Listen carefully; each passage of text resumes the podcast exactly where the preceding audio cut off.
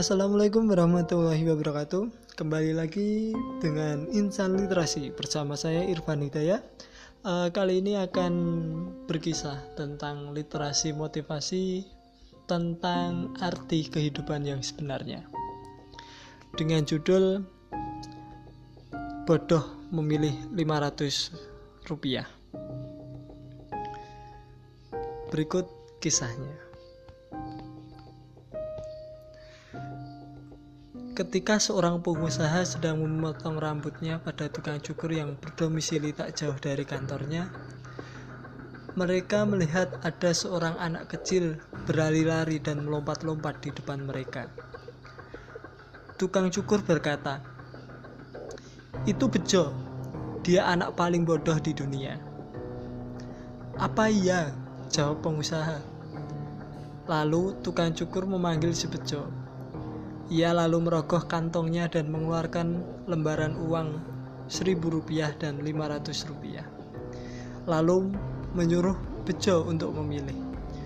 Bejo, kamu boleh pilih dan ambil salah satu dari uang ini. Terserah, kamu mau pilih yang mana. Ayo nih. Bejo melihat ke tangan tukang cukur di mana ada uang seribu rupiah dan lima ratus rupiah. Lalu dengan cepat tangannya bergerak mengambil uang 500 rupiah.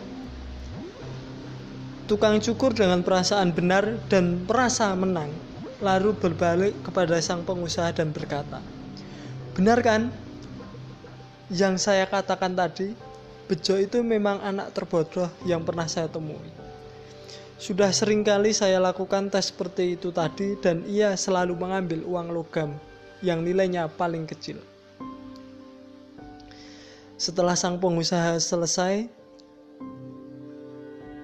di tengah perjalanan ia bertemu dengan Bejo. Karena merasa penasaran dengan apa yang dia lihat sebelumnya, dia pun memanggil Bejo lalu bertanya, Bejo, Tadi saya melihat sewaktu tukang cukur menawarkan uang lembaran seribu rupiah dan lima ratus rupiah. Saya lihat kok yang kamu ambil uang lima ratus rupiah. Kenapa tak ambil yang seribu rupiah? Nilainya kan lebih besar dua kali lipat dari yang lima ratus rupiah.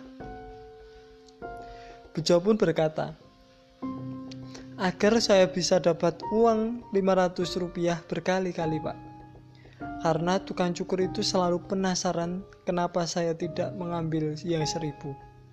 Kalau saya ambil yang seribu, berarti permainan akan selesai.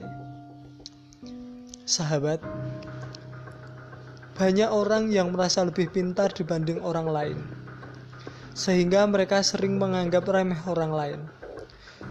Ukuran kepintaran seseorang hanya dia yang mengetahuinya. Alangkah bijaksananya kita tidak menganggap diri sendiri lebih pintar dari orang lain. Bedanya, orang sukses dengan orang kurang sukses adalah orang sukses berpikir untuk hari dan esok. Orang yang kurang sukses berpikir hanya untuk hari ini. Apa tanggapan kalian teman-teman? Silakan simak episode selanjutnya di Insan Literasi. Salam Insan Literasi. Akhirul kalam, wassalamualaikum warahmatullahi wabarakatuh.